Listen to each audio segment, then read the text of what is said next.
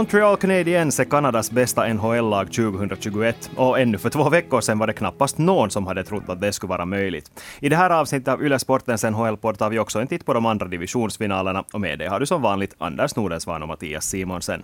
Mattias, kanske jag får vara alldeles en liten stund partisk den här gången.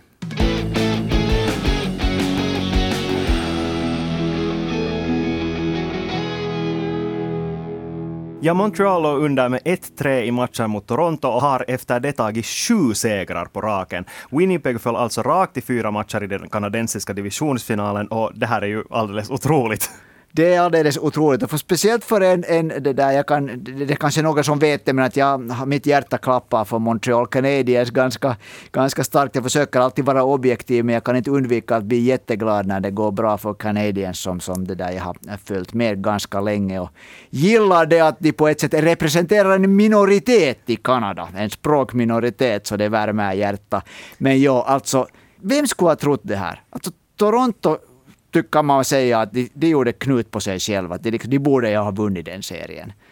Men mot Winnipeg så, Winnipeg blev ju utspelade. Mm. Jag tycker att vi rakt går in på en fråga om det här. Det är Simon som undrar vad Montreal riktigt har hittat för turboknapp. Och det här är ju en väldigt relevant fråga. Och Anders, som du sa, du har följt med Habs nitiskt den här säsongen. Hur kan man förklara det här? No, man kan förklara det tycker jag, för alltså, när säsongen började och redan egentligen förra sommaren, det där, när det var det här slutspelet i bubblan, så talar man om att Montreal håller på att bygga ett lag som ska vara bra i slutspel. Och det talades mycket också eh, om in, in, inför den här säsongen, att det var många som tippade att Montreal kommer att vara jättestarkt och de kommer att vara jättestarkt i slutspelet. Och sen glömde man det kanske här lite, för de spelade långa tider riktigt dåligt under grundserien efter en bra start. Och, det där, och nu har det bara visat sig att det som man har, det som man har talat om, liksom att Montreals Eh, allt tycker jag att börja med den här grymt starka defensiven de har. Då en målvakt Carey Price som alla vet att när han är bra så är han riktigt bra. Han, var inte, han har inte varit alltid jättebra i grundserien, han har varit superbra nu i slutspelet. Och sen har de en väldigt bra backtrupp. Erfaren, några, många erfarna killar, några lite yngre också som Romanov som nu har fått det, fick spela. Men de har de stora, starka, pucksäkra killar. Och sen har de fyra kedjor utan stjärnor, vilket i NHL-termer betyder, eftersom alla spelare i NHL faktiskt är bra, att det är ett lag som jobbar jättehårt. Och där ser jag nycklarna. Mm. Vi kan gå in på det där Carey Price senare, för vi kan inte understryka tillräckligt, tror jag, hur viktig han är mm. för det här laget. Men om vi börjar ändå med det som Winnipeg gjorde i den första matchen som kanske, i mina ögon, kanske kom att fälla det avgörande. Det var, det var no, inte bara Winnipeg, utan Mark Scheifele gjorde. Mm. Han stod för en av säsongens fulaste tacklingar och blev helt förtjänt avstängd i fyra matcher och fick inte alltså spela alls då när Winnipeg nu åkte ur. Och jag åtminstone kan tycka att det, det var avgörande i det här skedet. Alltså första centern, första centern lagets, eh, jag tycker man kan säga att han är lagets bästa spelare. Och, men, men är det inte speciellt att det här hände nu både mot Toronto och mot, mot det där Winnipeg? I första matchen mot Toronto, John Tavares, lagets kapten, det var ett misstag, han var ute och det hade definitivt en stor, stor, kanske avgörande inverkan på den matchserien. Det där. Och nu då Mark Scheifele som är helt, helt totalt, man kan, man kan liksom inte på något sätt ta in någon annan som, som skulle vara lika bra som han. Så det, det är verkligen speciellt, men det var du säger att så, Scheifele Mm, en sån bom av honom. Men då, Carey Price, vi talade ju om det redan förra veckan, hur viktig han är för det här laget. Han var otroligt viktig redan i serien mot Toronto, var väldigt viktig också i serien mot Winnipeg. Men jag tycker här att man kan dra en ganska, en lite rolig jämförelse egentligen, om man jämför med hur det ser ut i Winnipeg. För när man lyssnar på hur de här Montreal-spelarna snackar efter den här sista segern till exempel, sa de att ja, de vet att de har Carey Price, de har en målvakt som kan plocka allt, men de vill ändå jobba så hårt de bara kan för att göra hans liv så lätt som bara möjligt. Medan sen i Winnipeg Jets, och de har ju också en, en minst lika bra målvakt, Connor Hellebuyck. Men där känns det mer som att Winnipeg på något sätt litar att han fixar det här. Att de inte mm. kanske behöver spela lika uppoffrande från förhand, utan de, de tänker mer så att okej, okay, vi har en, en superstjärnemålvakt där, att han, han fixar nog det här. No, jag tycker att, att, som det såg ut för mig, så det där som, som man också talar om jättemycket, att Winnipegs backtrupp bara inte räcker till.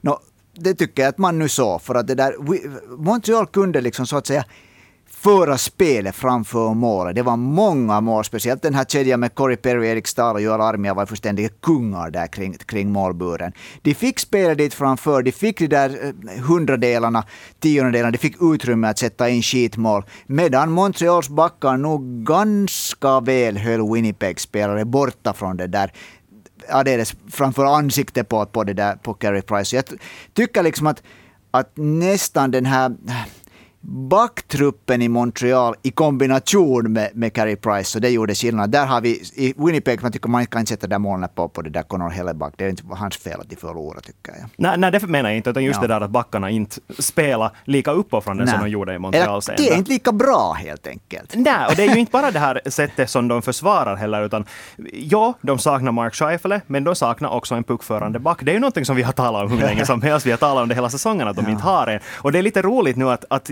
jag jag läste en grej här eh, efter den här sista förlusten där man i Jets nu börjar fråga sig varför att riktigt, att varför man inte lyfte upp Ville Heinola tidigare. Nej. Inte skulle han, han skulle knappast ha varit avgörande, men nu skulle han ändå ha varit en spelare som skulle kunna hjälpa dem just det här uppspelet, mm. i att ställa om till anfall så snabbt som möjligt. Men han fick spela fem NHL-matcher den här säsongen. Till och med efter att de hade säkrat sin slutspelsplats så valde de att inte ge honom chansen på nytt. Men du säger att han skulle kanske inte ha varit avgörande, men så ser du på Montreal de här unga killarna, Jesperi Kotkaniemi, Nick Suzuki och Cole Caulfield, de var ju jösses så de var viktiga för, de var sådana här liksom, de, de tände på ett sätt laget. De kom fram och gjorde sådana här verkligen stora insatser, eh, poäng i viktiga, viktiga tillfällen. Så det där, just det, varför ger man inte en sån här kille som Ville Henlo, han skulle, han skulle ha varit antagligen spela ganska liksom ledigt, han skulle ha njutit av situationen han har is i magen med pucken. Jag tycker definitivt att det var ett, ett stort fel av Paul Maurice att inte ge honom chansen, speciellt i det skede som det började liksom gå åt skogen för den. Mm. Och så nu när du nämnde de här Montreals finländare så måste vi gå in på dem också, för det visade sig att de var avgörande direkt. Artur Lehkonen mål i sista matchen, Joel Armia två mål i boxplay i en match. De har gjort tillsammans nu tio mål i slutspelet för Montreal. Fyra Kotkaniemi och Armehut 4, de är då på delad etta i, i det där skytteligan för det där för Montreal. Och Lehkonen har gjort två mål. Han var också passat till det där ena eh, segermålet. Så det där, ja, nu är det ju om man nu lite drar en sån parallell till det här VM som just tog slut här, så nu är de här Armia, Kotkaniemi och Lehkonen, nu är det ju liksom, nu ser man ju deras de hör hemma i den här för tillfället, det sättet som Finland gör sig bra på i ishockey. Och den här kedjekombinationen framförallt, tycker jag, där Joel Armia spelar tillsammans med Eric Stahl och Corey Perry, den, den, den känns ju liksom osannolikt bra. Ja. Och jag skulle, jag skulle inte ha trott för ett par år sedan att jag någonsin kommer att säga det, men vad Corey Perry är bra! och han tar ju nästan inga dumma utvisningar för tillfället. Han gör jättebra. Liksom, han är otroligt stark framför målet och han drar på sig utvisningar. Andra liksom tar utvisningar mot honom. Den kedjan har ju, var ju helt totalt dominerad. Hade de åtta mål mot Winnipeg? Men nu vet vi alltså redan i och med att Montreal är det sämst rankade laget av de återstående lagen, så vet vi redan nu att de kommer att ställas mot antingen Colorado eller Vegas Golden Knights i semifinal. Har de några chanser där längre? Då igen så jag nej, absolut inga chanser. Men det ska man väl nu inte mera säga, för att nu kommer, nu kommer ju Montreal, det här var ju deras Stanley Cup. De blev kanadensiska mästare. Det talades, från att, från att man visste att det skulle bli en kanadensisk division, så var det här snacket ju att nu, det här har aldrig hänt tidigare, det här kommer aldrig att hända igen, att nu kommer vi på ett sätt att få en, en kanadensisk mästare. Det är grymt viktigt för de här kanadensiska lagen att göra bra ifrån sig och alla var så stolta i Toronto över att Toronto kör över alla andra. Och nu, så det där, kan de i Montreal säga att King of the North. Nej, jag håller med att det, det känns ju som att det är hit men inte längre. Att man kan inte underskatta ett flow-tillstånd som Montreal befinner sig, uppenbarligen befinner sig i just nu. Men samtidigt som den där talangskillnaden, eller nivåskillnaderna mellan spelarna i Montreal i jämförelse med antingen Avalanche eller Golden Knights så är astronomiskt stor för tillfället, känns det som. Det måste ju vara så. Det, det är, alltså, det, det är helt galet om det inte är på det viset. Men på tal om den här serien mellan Colorado och Vegas så har vi faktiskt fått in en fråga om den också. Här ska jag ta och passa på att påminna dig om att om, om du har en fråga så kan du skicka in den till Ylesportens Instagram eller per mail till svenskasporten.yle.fi. Men Jere undrar vad som riktigt hände med Colorado efter 7-1-krossen i den första matchen. Och det, det är ju en fråga som vi säkert kan skriva under. Vi var ju ganska överens om att nej, det här blir Colorados serie, på basis av den matchen åtminstone. Men nu var vi också överens om det att serien börjar egentligen först från den, från den andra matchen eftersom det kom, den, där, den där första matchen kom så i famnen på, på det där Vegas. Den kom direkt efter att de hade blivit klart. Men det där... Det, det är besynnerligt. Det är nog för att de här lagen känner ju varandra helt våldsamt bra. De har spelat grymt jämna matcher genom hela grundserien. Och nu har Vegas hela tiden haft, haft grymma problem med, med det där äh, Colorados första kedja. Och nu för tillfället så håller det eller har det otroliga skett här i några matcher att, att, att eh, McKinnon et kommer ingen vart för tillfället mot Vegas. Nej, alltså de har ju hittat receptet för mm. att stoppa den här glödheta första kedjan. Mm. Åtminstone tillräckligt mycket för att själv vinna matcher. Men här ska man inte heller kanske underskatta den fördelen som man har då man spelar på hemmais. För mm. Colorado vann ju den andra matchen också, sen vann Vegas sina båda hemmamatcher. Och det här är två lag som var väldigt starka på hemmais också under uh, grundserien, vilket i och för sig inte är en överraskning. Bra lag brukar vara mm. starka på hemmais. Men jösses som tryck det var där i Vegas till exempel. Jo, det ska, det ska bli verkligen intressant att se hur det ser ut nu när de, när de far igen tillbaka till Colorado. Men så är det ju som du ser, att när båda har varit jättebra på, på hemmaisen och de har varit det konsekvent under hela, hela året. Så för att Vegas ska gå vidare så måste de stjäla en match från Colorado. För Colorado räcker det med att vinna sina hemmamatcher. Mm. Och samtidigt känns det nästan som att när serien återvänder till Vegas så kan det vara att Colorado avgör där. Alltså, det måste, jag, på något sätt, jag är förbluffad över det här sättet som det där Vegas nu. För jag tyckte att, jag tänkte att Colorado har haft lite, lite som Tampa, de har kanske håller lite handbromsen fast i vann grundserien. De har ännu mer att ge. Och det såg ut när slutspelet började som nu kör det. liksom. Nu är det ingenting som stoppar dem. Och det, där, det här sättet nu som Vegas då verkligen har lyckats, lyckats liksom på något sätt neutralisera deras anfallsspel i de här mm, senaste matcherna. Så det ska bli, alltså på något sätt så känns det ju att om man tänker på exempel nu på Landeskog, McKinnon och Rantanen, att det är killar som inte de är nog i längden, de, de, de kommer ju också att, liksom att, att komma tillbaka, göra en comeback. De har också funnit vad, vad som inte fungerar, så det kommer att bli en helt otrolig match den här följande. Nej, jag tror också lite att det kan ha funnits någonting att den där första segern till och med kom för lätt. Mm. Den andra var svårare, den satt hårt åt, yeah. men sen kom man till Vegas, man kom dit till den här The Barn som de kallar det. Där stämningen helt enkelt var fantastisk med tanke på hur ungt lag Vegas är, hur snabbt de har lyckats anamma den där kulturen där i staden. Det är alldeles otroligt. Men jag tror också att det har varit en väckarklocka för dem nu, inte bara kanske för den här första kedjan, jo, för dem också, men också för resten av laget. Så att hej, nu måste vi stiga fram när inte de här superstjärnorna i första linan kan göra det längre. Och det tror jag att det här laget absolut har kapacitet att göra och är någonting som vi kommer att få se redan i nästa match. Ja, och alltså just när, när, det är så lätt att säga nu att, att, jo, att Vegas är det där laget som är så väl byggt att alla kedjor är bra. Men det är Colorado också! De är förbaskat bra. De har fyra jättebra kedjor och de har, äh, tycker jag, tre, om inte fyra, riktigt, riktigt bra backar. Det, det borde liksom jag tycker att Colorado ska också vara, liksom, de har topparna, men de ska också vara en lagmaskin. Så det, det kommer nog att inte veta, det är som när två tjurar springer mot varandra med full fart. Den här femte matchen kommer att, kommer att bli helt grym. Men vad ska vi tippa då? Vem är det som ställs mot Montreal i semifinalen? No, jag måste nu hålla fast vid det här att jag, det där, jag, jag, jag fortfarande tycker att när det är bra lag, jämna lag, så ska de bästa spelarna stiga fram. Och för mig åtminstone så visar sig Nathan McKinnon som en spelare som, som det där nog i längden, när det riktigt gäller, hittar sätt att avgöra. Så jag tippar att Colorado sköter det här. I så fall tänker jag tippa att Vegas kommer att fixa det här. Jag, kommer att, jag tror att de kommer att ta sin big steal mm. redan i den här match nummer fem, i och med att de nu har hittat det här flow-tillståndet. De har hittat självförtroende, de känner nu att de kan stoppa den här första kedjan. De har hittat nycklarna, sätten hur de ska göra det och att det kan räcka till och med på bortaplan i Denver. Och om det går så, så då är vi igen inne i det här, den här grejen som man ofta glömmer bort under grundserien. Att de här lagen med de här stora stjärnorna så har problem i slutspelet. Att de här mest sammanspelade trupperna, liksom, nu, nu för tillfället så har ju Islanders Boston också i gungning riktigt ordentligt kan man säga. Och, och nu då, då Vegas, Montreal gick vidare.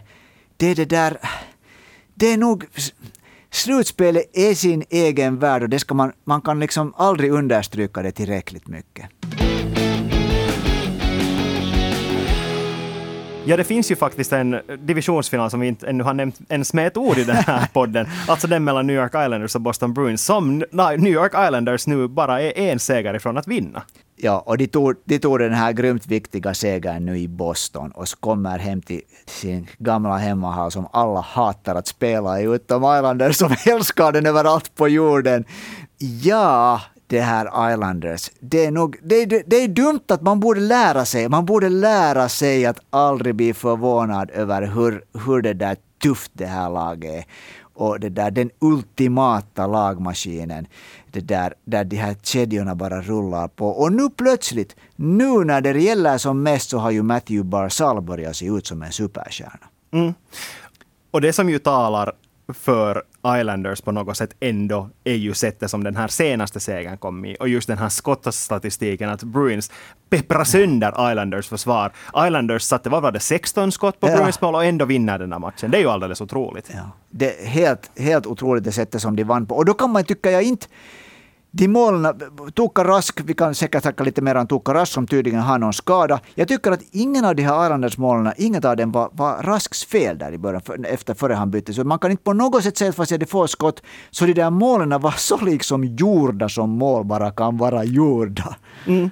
Och när vi ändå talar om Islanders som en sån här lagmaskin, på, mm. kanske lite på samma sätt som Montreal, så här ska, ska vi ändå minnas att den markanta skillnaden mellan Islanders och Montreal är den att Islanders faktiskt har en grym spetskompetens som yeah. Montreals anfallare inte har. De har just som du sa, de har Matt Barzal som nu har hittat sitt spel. De har den här kedjan med, med Kyle Palmieri som har varit en alldeles lysande ja. införskaffning för deras del. De har, tycker de har fyra kedjor av uh, ett bra, ett topp NHL grundserielags andra kedja. De har fyra sådana kedjor och sen har de Matthew Barzal. Ja, och det känns ju som ett väldigt vettigt koncept på något sätt, att man sprider ut den här bredden ja. istället för att sätta alla pengar på ja. några stjärnor, att man istället skaffar en bredd som de bevisligen har klarat av att göra, för det är ju alldeles otroligt när man tittar på det här laget. Det känns som att varje kedja kan åstadkomma något farligt i offensiven, vilket man inte kan säga i ärlighetens namn om alla lag som är kvar i det här skedet. Nej, det är just precis så. Och där, de har en fullständigt o, ett orubbligt självförtroende. Det är helt omöjligt att få ur gängorna. Liksom. Mm. Men så, Tuukka Rask är ju kanske det stora namnet i den här matchserien ändå ur finländskt perspektiv. Och som du redan gick in på så finns det tydligen någon skada där. Han blev utbytt i den här senaste matchen mot Islanders efter att sa tränaren Bruce Cassidy att, att han inte är i hundraprocentigt mm. skick. Man måste ju bli lite orolig. Definitivt, definitivt. Och när det tycks vara återkommande. Han hade problem under jättemånga matcher som han inte spelade under grundserien.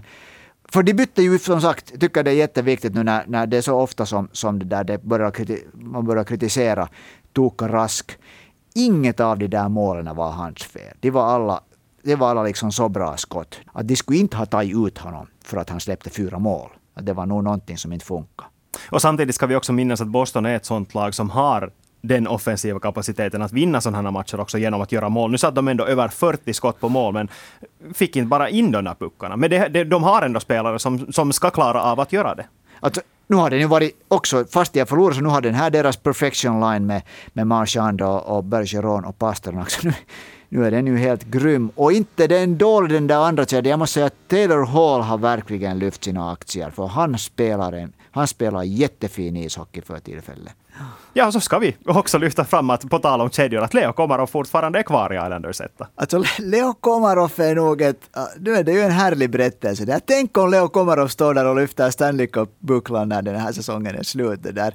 Och då har undertecknad, många andra har liksom på något, egentligen nästan räknat ut honom till exempel som sådana spelare som skulle kunna vara aktuella för Finlands lag i Peking. Okej, delvis beroende på att Leo Komarov själv har sagt att han inte mer vill spela i landslaget.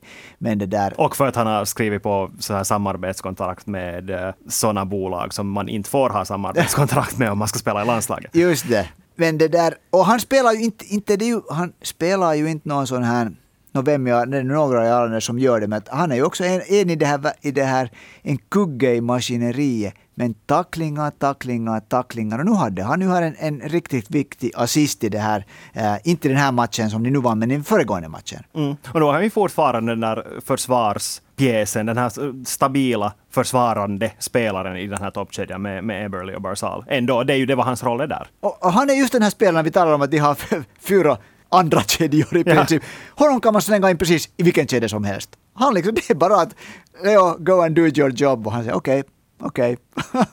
han är nog fantastisk kille. Mm. Men här då, tippningar igen. Bruins ligger under nu med en match, men det är 3-2 i segrar. Det, är inte, det känns inte... En, en 3-2-ledning är aldrig så avgörande på något sätt. Jo, Islanders kan avgöra på hemmais, men samtidigt om Boston lyckas vinna den så har de i sin tur momentum på sin sida inför Game 7. Så är det åtminstone. Ja, det känns för mig som att, att det där att, att Tuukka Rask situation nog kan fälla avgörande här. För att om han inte är hundraprocentig och de kanske inte vågar sätta honom i målet så då är det där med en rookie målvakt mot Islanders i, i, i det där, i Islanders hemmahall. Så om jag nu ska tippa så det där så tippar jag att Islanders avgör det här nu i, i den sjätte matchen. Och då måste jag ge bara en åsikt och säga att jag tror att Rask kommer att kunna spela. Jag tror inte att den här skadan han har är så pass allvarlig att den faktiskt skulle stoppa honom från att spela. Speciellt när de står med kniven mot strupen. Och om Boston sätter över 40 skott på mål så kommer de att vinna det. Men de får, alltså matchbilden ser ju alltid annorlunda ut i Islanders hemmahall. Det är liksom det här laget som spelar, no, på ett sätt kan man ju säga att de spelar alltid sam, likadan ishockey, men det, det är nog liksom, de är helt omöjliga i sin hemmahall. Men någon här podden tippar rätt. det är sant, det är sant. Något positivt. Vi har lärt oss. ja.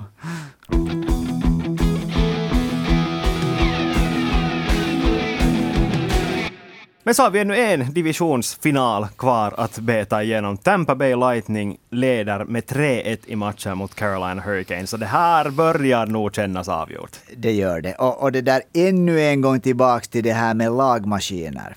Så nu har vi Tampa Bay, ett lag som också är en fullständig maskin för tillfället.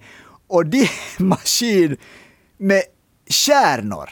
De kan fylla igen två första kedjorna och det där ett par backpar med bara stjärnor och målvakt. Att på något sätt, jag, jag tippar ju att det där att Carolinas, att deras vilja och hunger skulle ta över det här. Och det skulle de ha kunnat göra. Det såg man i den där andra, i den här senaste matchen skulle de ha kunnat utjämna och de såg ut att ha matchen redan som igen liksom i sina händer. Men där såg man erfarenheten. De tappar nerverna. Som tur var det inte de finländska spelarna som tappade nerverna. Mm. Alltså, vi har ju talat mycket om det här sättet som Tampa spelar i en liten sån här gråzon. Att de klarar av att hitta sätt att krypa under motståndarnas hud och, och, faktiskt borra in sig där och vara så otroligt enerverande att spela emot. Men samtidigt, jag tror att man glömde under grundserien hur otroligt effektivt det här laget kan vara då de slår på alla cylindrar som de gör just nu. För det är ju alldeles bisarrt nästan att följa med den här takten som de skapar lägen och gör mål.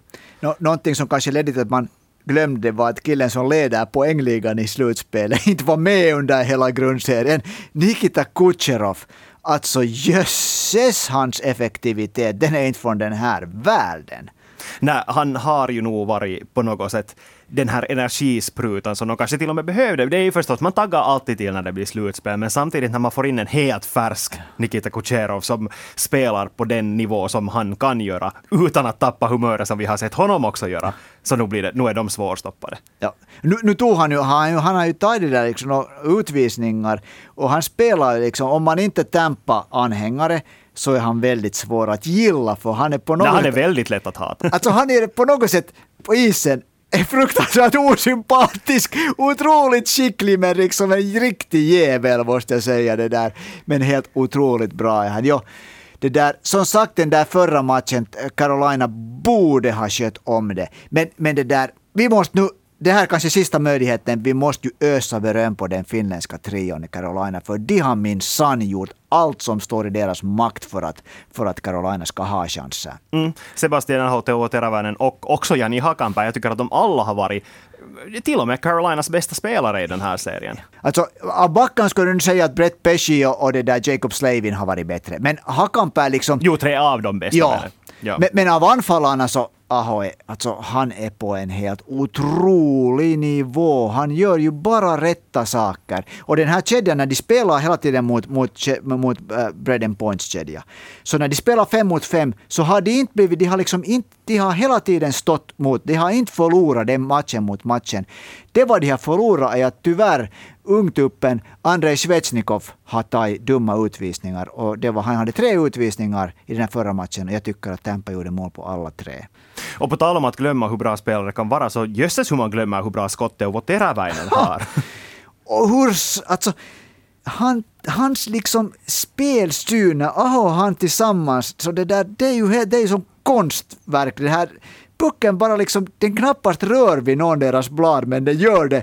Och så är den plötsligt liksom, hade en chans att det där, ja, ja Teräväinen är nog det där, han är, för att ta till den här berömda termen, han är nog en av de mest underskattade spelarna i NHL för tillfället. För han är nog, om man kan använda termen spelgeni, så Teo Teräväinen är ett spelgeni. Mm. Men så måste vi också gå in på Jani Hakanpää, för eh, han är ju en, en sån här back som man på något sätt är, är, prototypen för hur en defensiv back ska vara. Han är stor, han kan tackla, han rensar bort motståndare framför den kassen.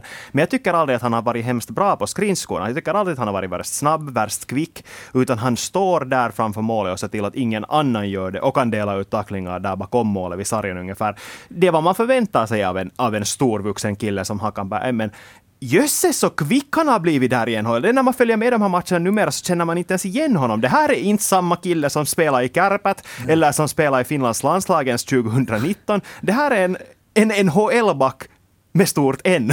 han, har, han har gjort enormt arbete just på sin fysiska sida för att det där, han har varit medveten om sina brister. Och så imponerande att en kille i den här åldern gör det. Och man ser hur han trivs, han älskar att vara, desto tuffare, tuffare läge, desto bättre spelar han. Och han gör aldrig samma misstag två gånger. Det också tycker jag. Han liksom lär sig hela tiden i det här slutspelet också. Att, jo, jag, jag, är, liksom, jag älskar det sättet som Jani Hakanpää liksom spelar och hur han visar upp sig. Men nu när vi har hyllat de här finländarna så måste vi väl ändå konstatera att det finns inte en hemskt stor chans att de spelar i, i semifinalen.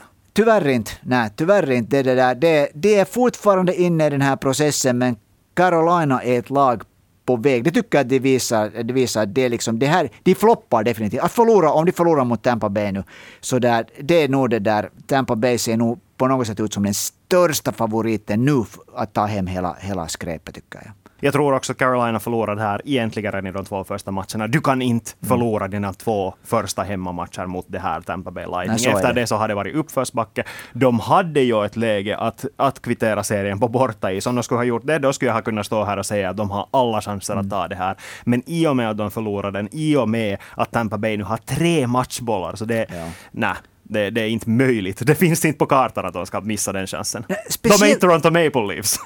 Speciellt som det är, så, det är ju vansinnigt. Jag har aldrig sett, aldrig sett ett lag som är så här kliniskt på att göra mål i, i powerplay. Mot ett bra boxplay. Ja, förra veckan var vi ju redan också inne på målvaktsmatchen. Alex Nedeljkovic har gjort sitt tydligen i, i Carolina Hurricanes. Det är Peter Mrazek nu som vaktar det här målet, men inte, inte blev det avsevärt mycket bättre. Inte. Nej, nu den här senaste matchen så kan man nog säga att Mrazek inte gjorde det vad han skulle göra. Det var ett par mål som inte borde ha gått in. Han borde ha, rädd, han, han borde ha gjort den ena omöjliga räddningen som toppmålvakter gör, det som Vasilevski gör. Vasilevski tog sig verkligen i nacken efter att det där, det gick, det gick några lätta mål bakom honom. Eller lätta och lätta, de var underliga. Men där, ja, vi ska komma ihåg att ett lag är ett lag med, med en målvakt och utespelare och Tampas målvakt är möjligtvis bäst i världen. Och med den sanningen tar vi och sätter punkt för det här avsnittet av Yle Sportens NHL-podd. Vi är tillbaka igen nästa vecka då när det förhoppningsvis är dags för semifinaler. Tack och hej!